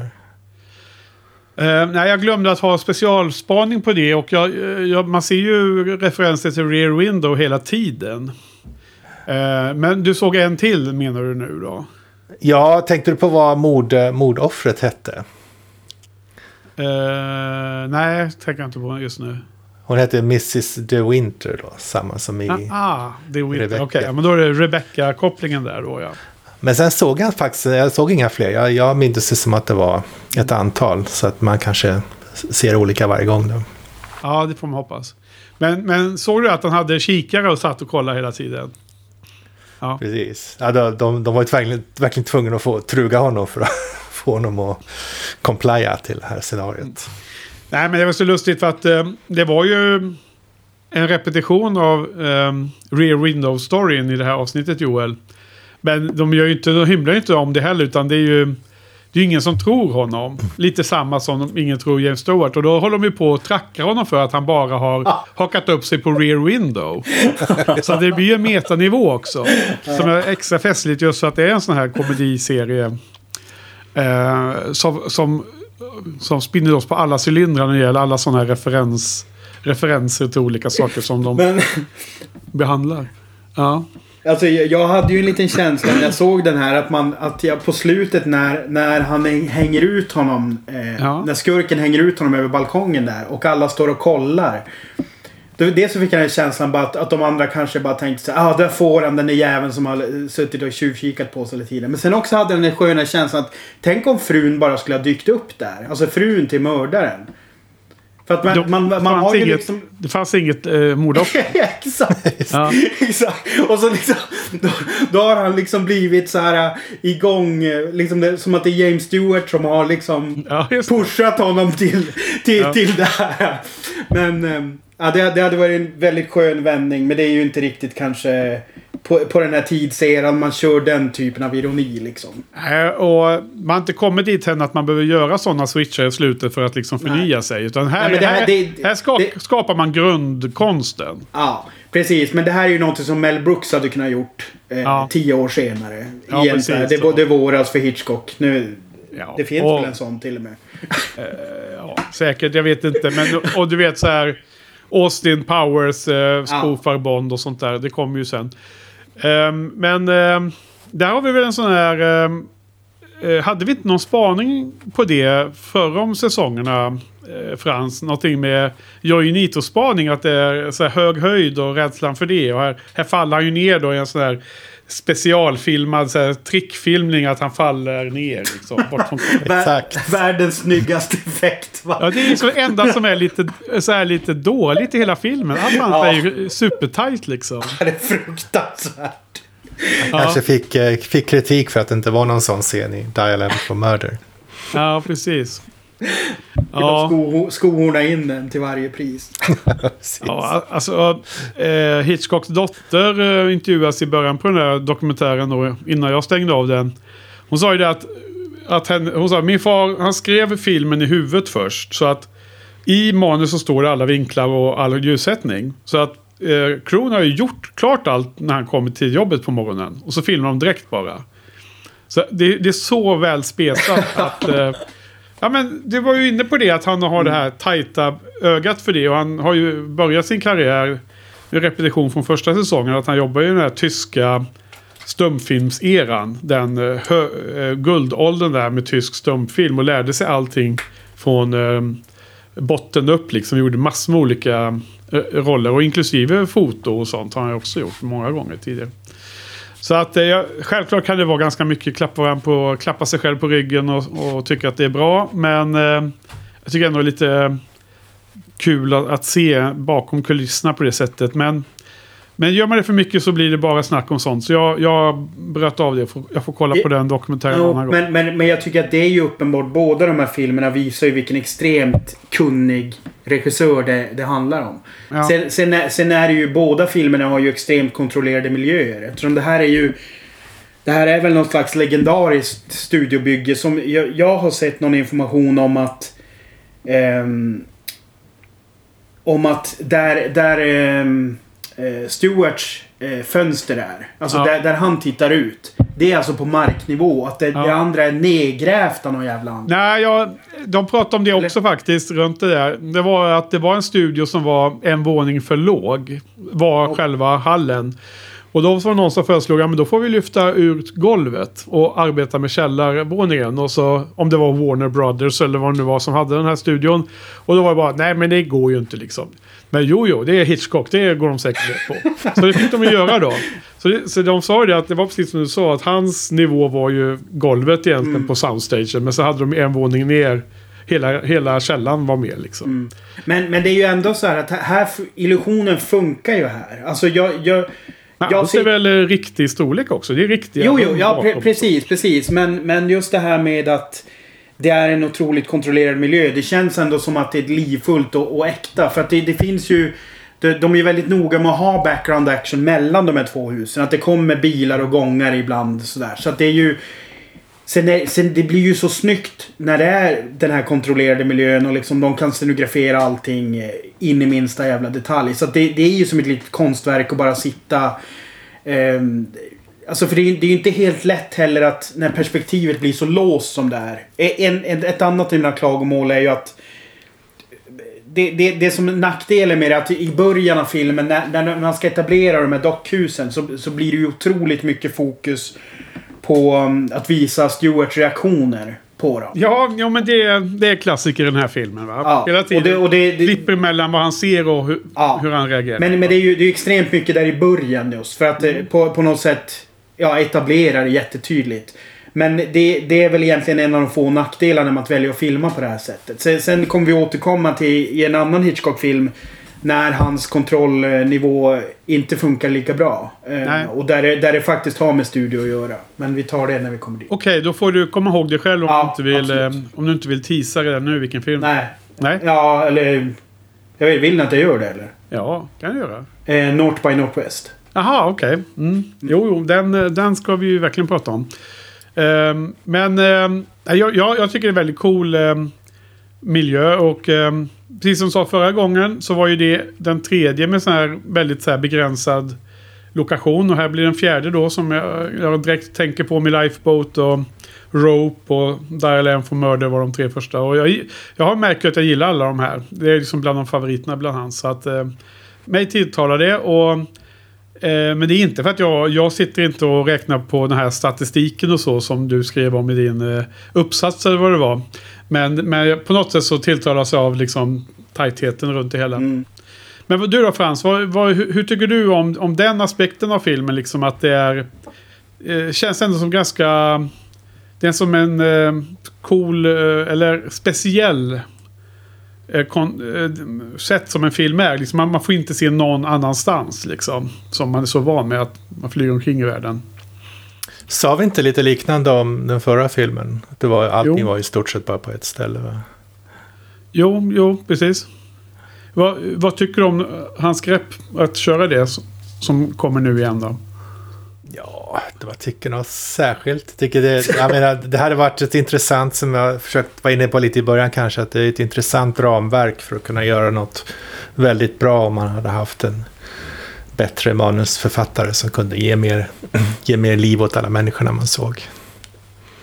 Ja, men du är ju superhård mot, mot de här liven. Och, ja, ja, ja, det är svårt att veta. Jag, jag, jag vet inte vad manusförfattaren heter, men jag tror att det bygger på någon short story och eh, sen är det något manusförfattare och sen vet man ju att Hitchcock eh, var med och skrev manus oavsett om han stod på... Eh, om han fick liksom cred för det eller inte så... Eh, antingen skrev han med manusförfattaren eller så skrev han om efteråt. Eh, Men, men Joel, du jäm- jämförde ju med en fantastisk film då, Robert Altmans eh, eh, Shortcuts. eh, Som är liksom av den stilen när man följer olika livsöden som flätas med varandra utan att Mm. de känner varandra. Som är en helt fantastisk film. Det, är- det är en fem av fem film i min kan säga. Eh, vi kommer ihåg den Frans? Den gick ju på 90-talet när vi bodde i Uppsala. Gick den på bio. Jag kommer ihåg att jag och Peter Lidman var och såg den. Eh, jag vet inte om du var med då på den visningen.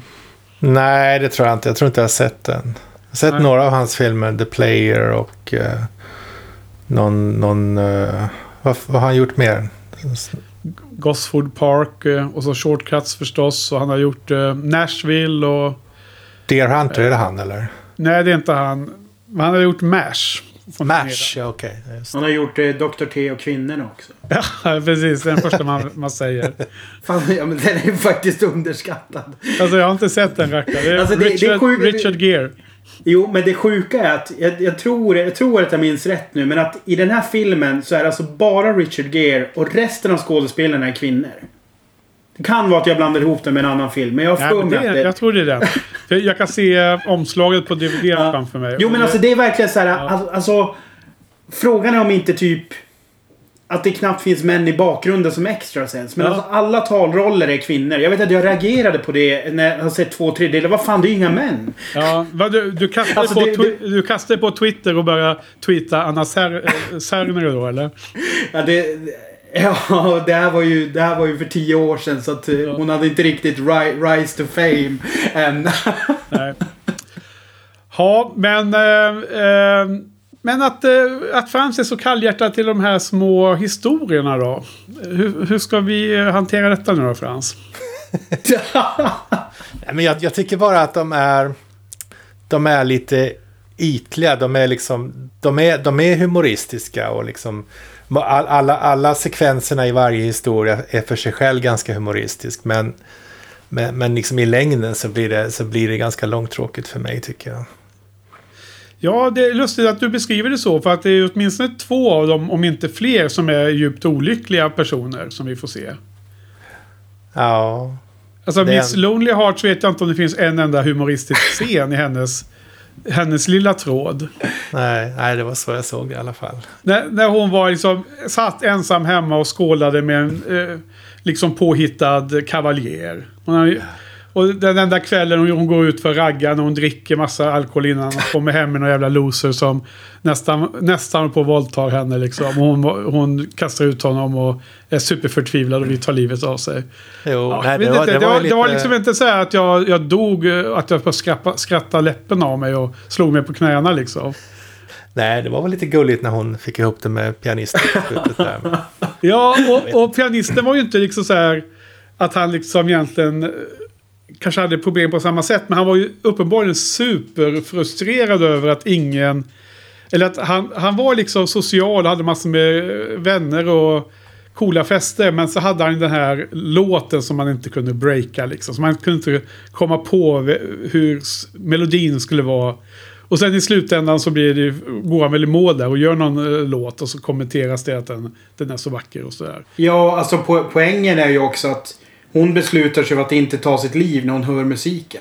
Ja, ja exakt. Det är det hon som kommenterar. Det är ännu bättre. Precis, jag, jag glömde. Ja, men det är precis det är ju så det knyts ihop. Precis Ja. som i shortcuts, att det knyts, knyts ihop på sådana sätt. Liksom. Eh, två helt okända personer som de råkar förväxla eh, foto... Eh, Mm. Kuverten med foto när de är på sån här 24 timmars eh, fotoframkallning och sådana här tillfällen liksom. Ja, eh, nej men jag tyckte att det var... Eh, jag tycker att det är, en, det, är, sen, det är en ganska viktig del av filmen. Alltså, skulle, skulle jag inte gilla de storiesarna som är, eller, eller det här man får av dockhuset, då, då är helt klart att filmen skulle vara- kännas mycket svagare. Det så är det i alla fall. Mm. Ja, ja. Nej, jag, jag håller med. Alltså det är väl... eh, På, på ett sätt så, som sagt, det, det, enda som jag har... Jag, jag, jag, det är väl i, i vissa, vissa skeden balanseringen mellan Stewarts lägenhet och det andra, eh, alltså dockhusen som för mig bli, blev lite tradigt. För att jag blev faktiskt förvånad över att filmen bara var 1,50 lång. För jag tr trodde att den skulle vara längre. Återigen så har väl det med saken att göra eftersom jag har sett den Ja. ett antal gånger. Eh, men jag tyckte faktiskt att den kändes lite lång också. Nu när jag såg den. Det hade kunnat Men- klipps, klipps ner eh, 10 minuter, en kvart eller? Ja, alltså det var någon mitt, mittenparti där som jag inte tyckte gav så mycket. Det här med när, när hans kompis inte tror på honom och det där. Det kändes bara som ja, transport liksom. Det, det, ehm, och så det här med hunden tyckte jag var ett konstigt spår. För det känns ologiskt. Med, med tanke på hur limmad James Stewart är vid fönstret och med kikaren. Att han lyckas missa två gånger när mördaren är ute och gräver i blomrabatten känns inte superlogiskt. För att han, han, han typ sover ju inte i sängen. Han sitter ju i rullstolen. Så att det Jo, känns som han, att han, han borde stod vara... ju ändå i stolen några timmar under. Jo, men fan då borde han väl reagera. Alltså, tänk själv om man, om man sitter liksom halvsover vid ett fönster och så sen är det rörelse där ute. Alltså, det, för, mig, för mig blev inte det logiskt. Sen förstår jag att hunden blir ju någon slags trigger point. Alltså det, det här med gaffin eller vad fan man brukar säga. Det är ju en del utav det för att sy ihop hela säcken. För att det är ju fram ganska länge så undrar man ju faktiskt om hon kanske bara har åkt bort. Eh, faktiskt. För, för visst är det så att det, det är alltså huvudet som har legat där nere i eh, rabatten ju ett tag. Det var, det var ju det det var va? De säger väl aldrig det va? Men man, man ska Nej, jag tror inte leda- det. Men, jag, tror jag, det. men jag, jag tror att man ska förstå att det är huvudet va? Ja, man ska tro det i alla fall. Ja. Men, men det, det känns ju också bara allmänt konstigt att begrava en del av kroppen i... Eh, på sin bakgård. Men återigen, det är ju en konstruktion för att få ihop. Ja, Film. precis. Men eh, jag kommer inte ihåg. Men var det så att han hade spritt ut delarna på olika ställen i New York? Var det inte någon spekulation om det? Att, eh, att hon skulle... mordoffret skulle ligga på överallt över hela Manhattan eller vad de sa. Sa de inte Det? Ja. I floden. Det är, ju, det är ju en spaning som du hade från förra säsongen Henrik. Att filmerna tog ju slut väldigt fort. Och det var ju likadant, likadant här. När det var bara några sekunder kvar så var man ju fortfarande osäker på om det verkligen hade varit någon mord. Men då, då fick de, då stod en kommissarie där på någon balkong och bara förklarade allt. Ja, han har erkänt att de delarna ligger i floden. Ja. Allt är klart. Så var det ja. Ja, han, var, han, var, han var väldigt snabb att tala ut. Ja. Ja, det var, fast det är lite lustigt, jag kommer inte ihåg just det Frans, men det, eh, det, det stämmer ju in väl här igen då. då. Och, eh, men för min del så är ju så, så här, intron av filmen mycket viktigare än just slutupplösningen. Så det är bara fine kan jag då tycka, förvisso. Eh, och introt där så är det väldigt lite så här att de pratar och berättar allting. Utan man läser ju allting om eh, James Stewart och om hans grannar genom att bara se dem, beakta dem. Så att vi i publiken är ju eh, och, eh, Peeping Toms på samma sätt som James Stewart är en Peeping Tom på dem. Och han är ju, han, vi är ju honom och han är ju, är ju oss liksom om vartannat i den här resan. Så jag, jag tycker det är en fascinerande film. Mm, men sen, sen, sen är det ju lite så här nu... Lyckades jag aldrig riktigt svara på när du frågade mig först där. Men det är ju så att jag, jag, jag tror ju inte att det är en slump att läraren väljer den här öppningen.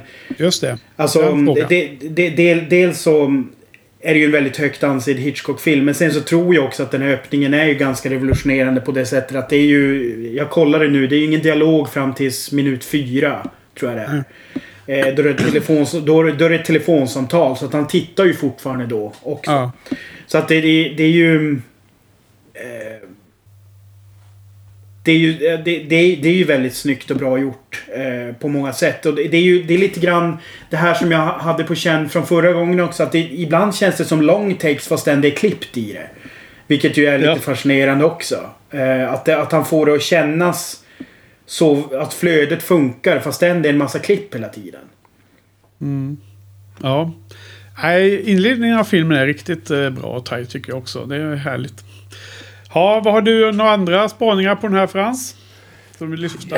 Ja, det, det är en lite märklig sekvens i mitten av filmen som känns nästan som att det är en eh, reklamfilm inklippt i filmen.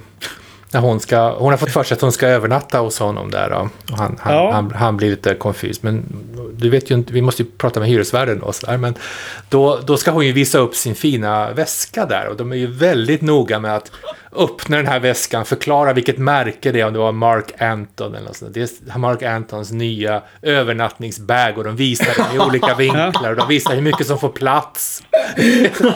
Ja. Det är, extrem produktplacering eller också är det sk, skämt med extrem produktplacering.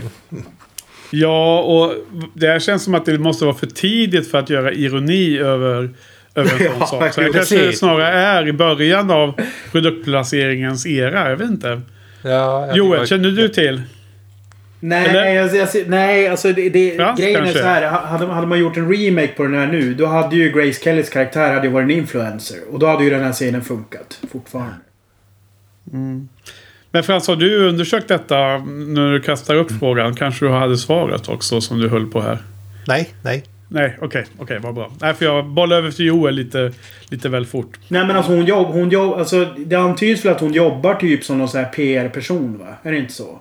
Jo, Ja, jobbar okej. som säljare i reklam, eller i modebranschen eller något sånt där. Så att det är det att hon, hon säger någonting med den här klänningen som kostar eh, 1100 dollar. Att hon hade köpt den även om hon hade be- betalat för den. Ja. Hon inte behövt det för att hon jobbar med märket. Så att det är ju... I det sammanhanget så funkar det ju. Men jag håller ju med om att den, Ja, den, den precis, scenen- alltså, precis. Det kanske inte är en, en eh, riktig produktplacering. Det kanske är Hitchcock som vill etablera hennes yrke. Vad, vad hon gör när hon är sig. När hon inte sitter och försöker blidka eh, James Stewarts dröm, drömbrud. Eh, och det behövs ju på något sätt. Hon måste ju få en egen, egen agenda, en egen personlighet. Så att Sen kanske Hitchcock gör det så övertydligt så att vi med moderna ögon tolkar det som så som man brukar göra produktplaceringar senare. Därför att det blir den övertydligheten. Ja, det är just det här med alla vinklar. Det är som att ha en Ja, hand, ja. handmodell liksom, Ja. som smeker över väskan och liksom förklarar och visar hur mycket som får plats och allt det där. Det är, så, som man visar bagageutrymmet på en bil ungefär. Känns. Jo men du vet om, om hon är en sån som jobbar med, med sådana... Eh, presenterar en sån produkt i sitt, på sitt jobb. Då är det också ganska troligt att hon faller in i det när hon ska visa Ja, honom just det. det. Ja, det har rätt i. Det har rätt i. Precis. Så liksom Hitchcock kanske tänker där att ja, men här kan man visa henne hur hon... Han, han tänker säkert att hon är väldigt så här, kompetent på den biten och så kan han visa hur kompetent hon är. Men Ja. vi kanske inte riktigt ser de signalerna för att det, det var annorlunda på 50-talet liksom. Just det. Saker och ting. Ja. Ja, det var det, Jag kommer ihåg scenen nu när du lyfte den liksom. Jag, jag, jag tänkte inte på den som produktplacering men jag förstår precis vad du, vad du lyfte där. Spaningen. Eh, något annat lustigt då? Alltså, det var ju... Han, han är ju fotograf, va? Ja. Förmo- förmodligen Så inte... här, krigsfotograf får man en känsla av va? På något sätt. Ja, precis. Han, han, han, de gör en väldigt stor historia av att han vet vad Kashmir är. Det kanske am- amerikaner inte vet om var det ligger någonstans. Nej. Och eh, hon, hon är någon sån här so societetsdam då som jobbar i modebranschen. Och sen har de den här sköterskan då. Så, som hela tiden, eller hela tiden, som om och om igen liksom kommenterar hur, hur underlägsen hon är dem. Liksom. Hon säger att ja, det, det, är, det är ni som är välutbildade. Det måste väl ändå vara så att hon är den mest välutbildade i den trion som har sjuk, sjukvårdarutbildning.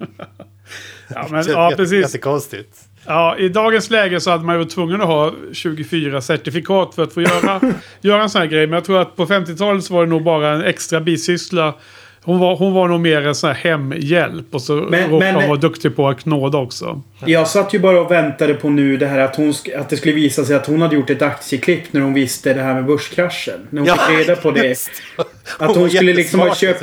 Ja, att hon skulle ha köpt och sålt aktier eller något sånt där Ja, i tid. för hon hade någon Eddie Murphy-analys där på börsen. va? Var det inte det? Vad det nu var för någon spaning. Det var, det var någon, det var någon General Motors ehm, Just det. eh, företagsledare som började gå på toaletten tio gånger per dag. Ja. Och det var typ ett halvår innan börskraschen. Så att hon visste om det av den anledningen. Ja, så att hon... eh, Precis. Fast, fast grejen var ju Ja. att de, de pratade om det. Hon pratade om det på ett väldigt så här övertygande sätt. Hon började, hon började med att snacka om att det var överkonsumtion. Eh, eller överproduktion eller något sånt där. Och det bara lät som värsta, du vet, som att hon faktiskt vet vad hon snackar om. Jag reagerade på att jag tyckte hon spelade den väldigt övertygande. Så att hon, alltså hon, hon är ju också en stor behållning naturligtvis. Verkligen, Hon är ju jättebra verkligen. skådis. Bra skådis. Men hon är Eh, väldigt känd va? Jag tyckte man kände igen henne. Ritter. Man kände igen Thelma henne från, Ritter. från andra, Ja. andra grejer. Vad hade du sett henne i då?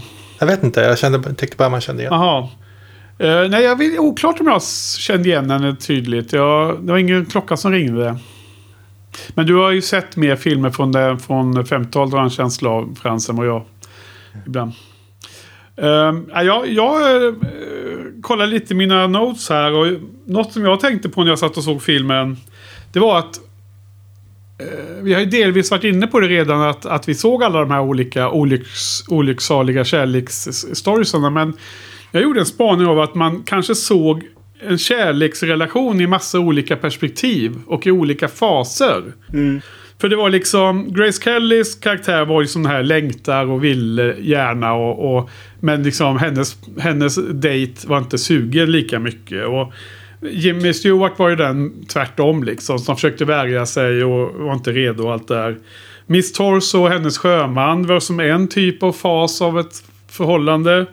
De nygifta paret är väldigt tydligt sån att det verkligen introduceras och sen det enda de är att det de är nygifta. De etablerar liksom väldigt tydligt den, den, det hörnet på den kartan. Miss Lonely Hearts med sin pianist och ja, vilka det nu var fler då. Ja, jag vet inte om det är, det, är det något tematiskt som han Nej, men jag, jag, in jag, här. jag tänkte på det absolut. Och det var det jag tyckte eh, kopplade ihop där när, när Frans eh, kläckte det där med att eh, mordet ju egentligen inte är huvudpunkten på filmen. För att jag reagerade också när jag såg filmen att jag tänkte på att det var väldigt mycket perspektiv på giftermål och partnerskap. Mm. Och det, det... Jag håller med om det. Eh, sen, sen tycker jag, jag, jag tycker att båda delarna funkar. Att de väver ihop sig ganska bra. Så att... Eh, Ja. fi, filmen håller ju extremt hög nivå. Sen, sen är jag ju toktrött på den. Eh, Ja. På många sätt. Men, men jag, jag är ju glad för att det är ju, det är ju så här... Det, det jag verkligen tar med mig i slutändan det, det är ju på något sätt Grace Kelly. För jag tycker att hon verkligen var fantastisk. Ja, verkligen. High five på den. Mm. nu, börjar min röst ge sig, men... Eh, eh, ja, jag, jag tyckte att det var intressant för det, det är liksom... Eh, Ja, det, alltså, det är ingenting man kul- tänker... Kul man tänker, se. Men sen så tänker man ju inte på Hitchcock som någon slags romantisk filmskapare heller. För att det är ju ändå... Alltså det, det, det blir ju en ganska stor del av filmen när det, när det är så mycket relationsfokus. Eh. Ja, precis. Egentligen. Egentligen. Alltså, egentligen så tycker jag att han är en ganska kall regi- regissör oftast. Men, men här kände jag att det fanns mer eh, av eh, intressanta och lite mer eh, inkännande och lite mer varma eh, moment i filmen. Och det kanske var det som var spaningen. Um, en annan liten tidbit från den här snackade dokumentären var... Tänkte ni på de här som låg ute och sov på, sin, eh, på, på trappan där och de som hade hunden? För det var ju så himla varmt i början. De visade ju till och med att det var nästan... Det var över 90 grader Fahrenheit tror jag. Och det var jättevarmt. Och James Stewart var ju svettig och så när man såg den första scenen. Sen blev det ju mycket svalare senare i filmen då. När det liksom blev mer fokus på mordet. Men den där välja hettan gjorde att de låg och sov ute där. Det kommer ni ihåg? Ja. Och sen kom det ju regn vid ett tillfälle. Tyckte ni inte att det var en ganska... Det blev en ganska kul scen där de försökte ta sig in och det blev helt kaotiskt. Och, och, och, till, och till slut någon bara kastar sig in genom ett fönster. Tänkte ni på det? Alltså det, det, jag, jag bara fick ett så här, Nu har jag knappt sett någon av hans filmer men jag fick så här Jacques Tati-känsla av den. Jaha, jag har inte sett en enda av Jacques Tati. Ska man, göra, ska man se det eller? Nej, jag, jag tror inte att det är, är obligatorisk viewing. Men jag... Men, men det är lite så här Papphammar-humor va? Är det inte det? Jo, fast det är ju, det är ju mer finsmakare än Papphammar. Det är så här, Man kan sitta med ett glas rödvin och prata om fantastiska Okej. Tati-scener. Medan tar man upp Ja. Papphammar så börjar folk himla med ögonen. är, ehm, Tati är slapstick-humorns uh, lynch alltså. Nej, det vet du. Det, ja, kanske. Fast, fast hans scener är ju begripliga ändå. Ja. Tycker jag. Alltså de, det, lilla jag sett. Vi kommer säkert få höra i kommentatorsfälten vad vi missar. Ja, absolut. Jag ska avsluta anekdoten med det här. Det var ju så att eh, bakgrunden var att han eh, eh, regisserade, personregisserade varje person i dockhusen via en öronsnäcka som de fick. Eh, I vissa fall. Och det här paret som låg och sov där när det började regna. De hade bara en öronsnäcka. Hade han bara gett dem. Så han, de var tvungna att flytta den fram och tillbaka mellan sig. Och då gav han dem olika instruktioner. Så han gav... Den ena, den ena skulle, eh, sa han att de skulle ta eh, madrassen in genom dörren. Och den andra sa han, till den andra sa han ni ska ta madrassen in genom fönstret. Och det slutade med att de fram och tillbaka så båda försökte uppfylla den stora Hitchcocks eh, regiinstruktioner. Det slutade med att hon kvinnan tog sig in genom fönstret och drog in han, han som spelar mannen. Och det är därför man ser att han flyger in i slutet. Han, han gjorde det med, med flit alltså? För att... Ja, ja. Hitchcock höll väl på att jävlas med, eh, med så här skådespelare. Det är inte första gången man har hört om att han gjorde Nej. hyss. Så här, nu, nu vill han tydligen ha en, få en lite mer så här kaotisk scen. Och det tycker jag blev väldigt bra. Eh, Det blev ett resultat i alla fall. Vi hade Ja. ett resultat. Ja, lustig historia. Ja. Eh, en annan eh, av mina spaningar är att vi, vi hoppar över. Vi, vi avslutade snacket om Castle för snabbt där Frans tydligen. För att jag har några, några små spaningar från det också. Ja, perfekt. Så nu får Joel vila sig lite. eh, nej men det är ju... Eh, dels är det ju att när Castle, eh, hans reaktion i slutet. Om man tror att han är arg. Ja. Alltså nu, nu, nu, nu spoilar vi ju det här avsnittet. Utan att utan berätta switchen så du vet vilken scen jag menar. Man, man tror att Castle är arg. Men så är han ju jätteglad då. då. Ja. Det är så lustigt för att jag har ju precis nyligen sett eh, Monsters eh, Inc. och Monsters University. För jag eh, bloggat av dem eh, tillsammans med Joy Nito då. Eh, det, inom ett Pixar-bloggprojekt. och, det- och där finns ju stående skämt där den här karaktären Mike. Den lille Mike han... Han eh, blir fotad i olika lägen och så kommer på omslaget på nyhets... Eh, alltså på tidningen och så. Liksom, så att han får vara med i tidningen, liksom är skämtet. Och varje gång så blir fotot så här att de missar honom så man ser bara en, en liten skärva, skärva av honom. Och så ser han helt så här arg ut men egentligen så är han ju överlycklig över att han får vara med. Liksom. Ja, Det är precis samma skämt där. Jag återkommer. Men sen var det eh, den, den större grejen var eh, någonting jag såg. För att i slutet när de eh, ska fira Castles eh, eh, födelsedag till slut så skålar ju han och eh, Beckett i slutet. Och då säger Castle How many murders have we solved together? Och då Beckett då I don't know, maybe hundred or so. Och det här var ju avsnitt 100 vet du. alltså var det det? Ja, ja, okej. Ja, Jag gjorde en Och- uppskattning förra veckan så att det var ungefär hundra man var tvungen att se. Kan... Ja, men jag var tvungen att kolla upp det. För jag, jag tyckte att det blev så betonat där i sista scenen. Och då svarar Castle, a hundred, så här, frågetecken. Och sen så skålar med henne och så säger han, here's to a hundred more. Men det blev ju aldrig 100 till, utan eh, det blev ju 173 avsnitt totalt i de här Ah. säsongerna. Mm. Det var ju r- 20 eller 20, 22 avsnitt per säsong mestadels, fast också lite olika ibland. Så att det, det var inte enkel matematik. Nej, nej, just det. Ja. ja, det var några, det var några kommentarer om det. Jag vet inte, det är väl bara Patrik av alla våra lyssnare kanske som, eh, som känner till Castle. För han har ju sett allt. Han, eh, han, eh, han gillar också det, tror jag. Nej, men lyssnarna hade ju som uppgift att se hela. Ja. I, i, inför den här veckan. Så att, Frans, alltså i och för sig har ju Shiny-podden väldigt stor impact på våra lyssnare och en viktig röst i, i allas vardag och så. Man, man lyder order. Men jag tror att vi har, vi har nu upptäckt gränsen av var våran influens sträcker sig. Där våran eh, circle of influence tror jag inte nådde så långt. Mm. Men du då Joel, har du något avslutande spaning att bidra med? Har du fått med allt du vill eh, säga? Ja, det får man nog säga ändå. Ehm, upp, fråga, hur, tyckte du Grace Kelly var bra? ja, nej, jag håller med. Det är också min behållning faktiskt. Um, börjar jag säga betyg så kan jag börja den här gången. Um, får jag börja avrunda nu lite pojkar? Känner ni oss redo eller? Absolut. ja. Ja. Nej, men för mig blir det en fyra och fem det här. Jag tyckte att det är en riktigt klassisk film och eh, jag hade väldigt kul när jag såg den. Och det är, eh, det är alltid bra i min bok att eh, känna att man var underhållen och hade kul. Jag menar, vad, vad mer vill man ha av en film? Och jag måste säga att det hade aldrig fått en 4-5 om jag inte hade reagerat så på Grace Kelly. Det måste vara någon skådespelare som man verkligen gillar en film för det ska bli riktigt bra. Det, det kan inte bara vara bra teknik eller bra liksom, tänk. Utan det måste finnas någon, någon slags kännare i hjärtat någonstans. Ha, eh, ska vi avsluta på en positiv eller negativ ton? Man måste avsluta positivt. Jag försöker göra mitt bästa här. Så Frans, vad säger du för något betyg? Jag ger den en tvåa, samma, samma motivation. Gra- Grace Kelly var bra, men i övrigt tyckte jag inte filmen var så bra. Nej, jag tror att det har framgått också i podden. Och det var därför jag predikterade att du kanske skulle ge lägre. Så hoppas jag att Joel kan, kan eh, klämma ur sig något bättre än en tvåa. Men vad vet jag? Vad, vad ger du för något betyg Joel? Eh, jag gick in i podden med att jag skulle ge den en trea. Men efter att vi har snackat om den så är det en fyra. Eh, ehm, Ah, härligt. jag jag jag jobbat upp den till en fyra trots James Stewarts eh, karaktär. Ja, ja. ja men, li, lite kul och så. Och en del eh, av våra lyssnare sitter säkert och skriker att åh, fusk, du har fått ändra och så. Men jag tror att det, är- det är det, det som den här grejen är. Att eh, sitta och prata om den eh, i eh, ett litet virtuellt rum. Eh, här på skärmen ser det ut som att ni sitter i varsitt dockhus för övrigt. Så det är lite lustigt.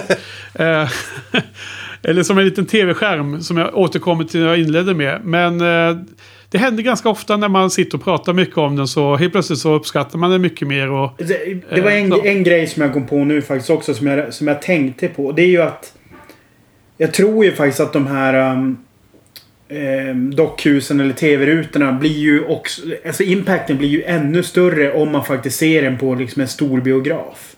ja. Jo, Ja. det ligger något till det. Eller en eh, stor... eh, I eh, Henkes bio så är det också stort. Men det, Jo, det kan vara men- ännu större. Det kan vara Nej, men större. jag, menar, tänk om man är på Rigoletto eller om de har gjort någon sån här 70 mm kopia någonstans. Mm. Alltså det, jag, jag tror att det är... Det är nog faktiskt en sån där grej som är kanske lite halvsvår att replikera. Ja. Eh, Alltså den upplevelsen. För, att, för då, då tror jag nog också att karaktärerna kanske går genom rutan än, alltså, än mer. Ja, om man ser mycket mer detaljer från varje dockhus så är jag övertygad om att det blir än mer intressant. Och det är en superbra spaning. Så att det betyder ju att förra veckans film, eh, Dial M for Murder, i 3D. Check på den skulle jag verkligen vilja se. Ja. Och se den här på väldigt stor screen, det håller jag helt med om. Är, är, du, är du med oss Frans? Skulle du också vara sugen? Absolut, absolut. Ja. mycket bra spaning. Nej men eh, ni vet, eh, gamla favoritfilmen Serenity och allt det där va. Med Nathan Fillion för övrigt också. Eh, den såg jag ju på bio ganska många gånger. Eh, när den kom. Eh, fem tror jag det var. I olika konstellationer med olika tillfällen och så. Eh, och jag kommer ihåg att en av, en av favoritsekvenserna i den, Joel, är en eh, detalj som ligger på en säng i en scen. Och det är liksom en, det är, det är som en liten iPhone med en bild på. Det skulle vara liksom futuristiskt att de har någon slags kommunikationssystem med, med eh, som är eh, videotelefoni då. då. Och den liksom ser man ju nästan inte ens på en 60-tums plasma. Alltså det, det, det, man upplever inte den som en, en kul liten detalj på samma Nej. sätt. Jag ser att den är där, men den poppar inte ut på samma sätt för du ser inte vad som är på bilden. Men på bion varje gång så var det en favoritscen nästan. Som jag liksom nu saknar lite att man inte får uppleva den. Så att jag förstår precis hur du menar genom att översätta till det, till det caset. Och, eh, eh, förstår precis 100%. Så det, det kanske är jättespännande nya grejer man lägger märke till. Det kanske är massor med smarta kopplingar och grejer som eh, man till och med har tvingats missa bara för man inte sett den på riktigt format. Mm. Bra, bra koppling. Ja, men då har vi sett Rear Window och så får vi hoppas att eh, lyssnarna har eh, njutit av samtalet. Och vi hoppas att lyssnarna tittar på filmerna i, i takt med oss och så. För man, hoppas vi att det blir mer, mer eh, givande att höra diskussionen. Eh, nästa film då, då, då ska vi hoppa fram till... Ja, men då är det ju Grace Kelly igen. Så då är det den här tredje filmen i trion som du pratade om. Och då hoppar vi fram nästan ett helt år till eh, augusti 1955. Och filmen heter To Catch a Thief. Eh, jag har inte sett den filmen heller. Eh, eller jag har inte sett den filmen som, som då är de flesta av den här sista säsongen har jag inte sett. Har, har, har ni sett denna film förut? Ja. Ja. Nej, jag minns inte att jag har sett den. Nej. Och här har vi då huvudroller är då som sagt Grace Kelly som jag nämnde. Men också Cary Grant. Så wow. Ja. Det är superb.